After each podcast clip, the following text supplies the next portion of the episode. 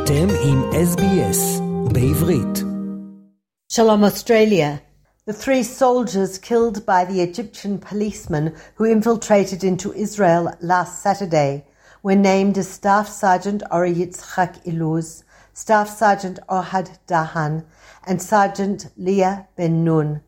The three combat soldiers in the mixed gender light infantry Bardelis and Caracal battalions, tasked with guarding the border, were buried in their hometowns on Sunday.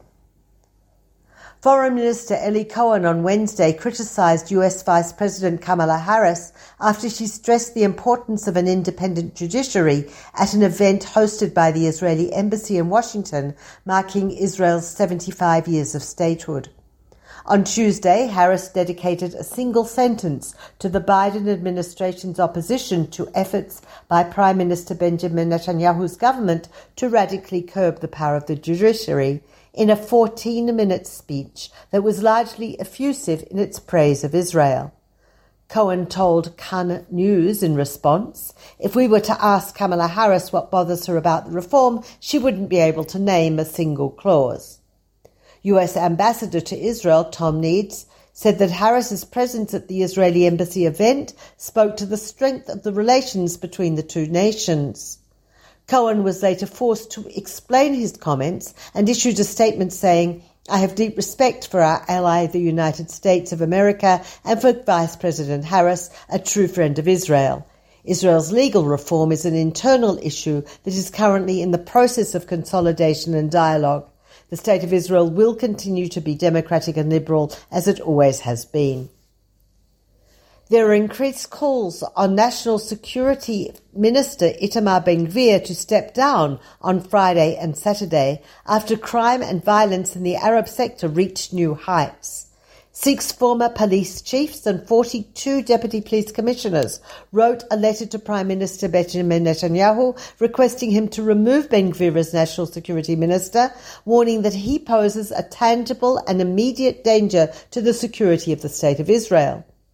On Thursday, Israel Daily Haaretz reported that Benzi Gopstein, who has been banned by the Supreme Court for running for the Knesset due to his racist views, has been advising Ben on police matters and was involved in a number of decisions regarding the upper echelons of the police and operations. On Monday, Ben said he would appoint a policy coordinator to help address the rampant bloodshed.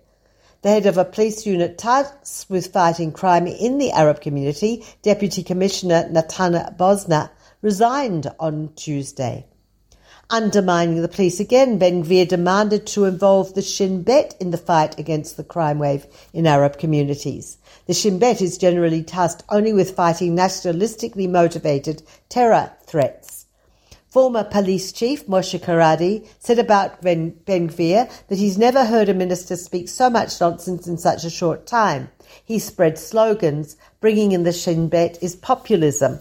The Shin Bet is not a magic word. It's not a force with weapons that enters Arab cities. It's an intelligence body, one of the best in the world, which needs to produce intelligence to thwart terrorist attacks.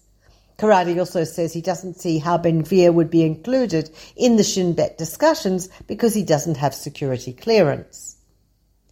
Atiya Abu Sabila, a 21 year old from, the southern, from southern Israel, was stabbed to death yesterday, becoming the 100th member of the Arab community to have been killed so far this year in the spiraling crime wave that has claimed the lives of eight people since Thursday.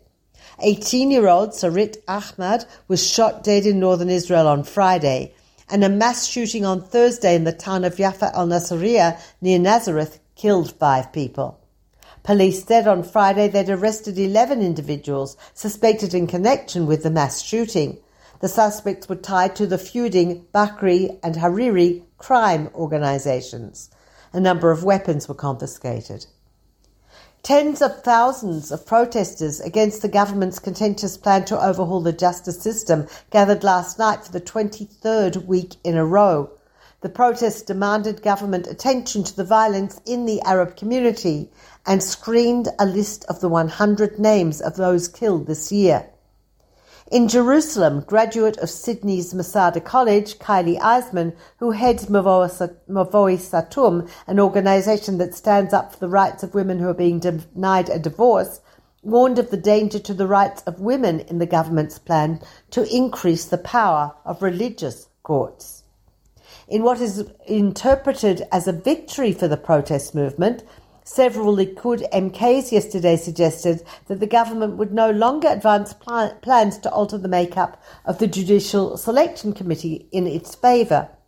On Wednesday, the Knesset will vote to appoint two lawmakers to the nine member panel, which is chaired by Justice Minister Yariv Levin.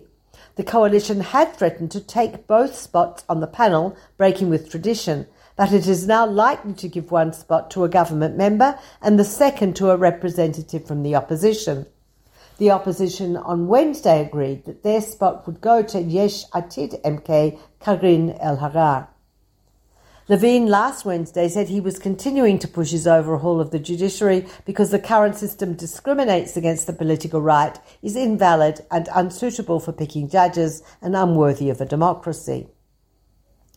Prime Minister Benjamin Netanyahu has ordered that a meeting scheduled for tomorrow to advance the E1 settlement project near Ma'ale Adumim be postponed amid pressures from the Biden administration.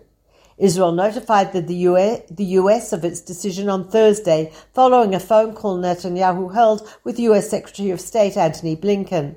The potential construction of a new neighbourhood for Ma'ale Adumim in the so-called E1 zone has long been a cause for alarm in the international community.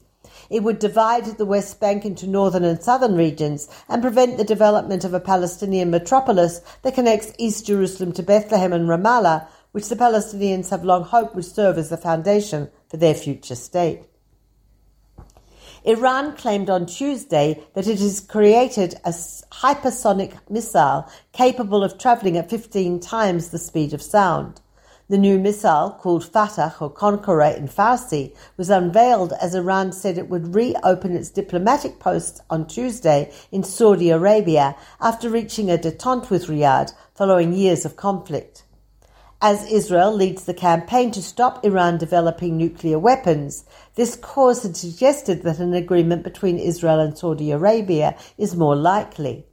Prime Minister Benjamin Netanyahu said in an interview aired on Friday that an Israeli normalization agreement with Saudi Arabia would be a quantum leap forward and would change history if it could be achieved. He said such a deal was one of the primary roles, goals in his latest term in office.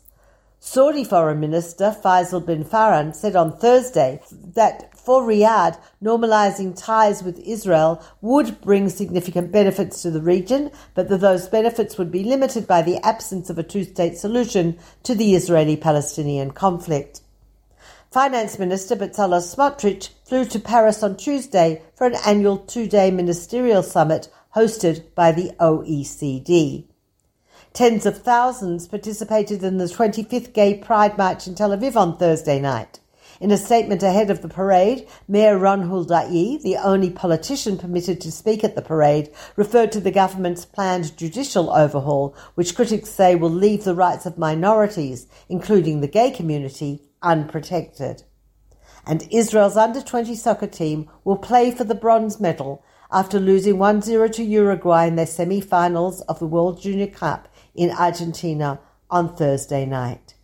This is Peta Jones Pellach reporting for SBS Radio from Jerusalem. עקבו אחרינו והפיצו אותנו דרך דף הפייסבוק שלנו.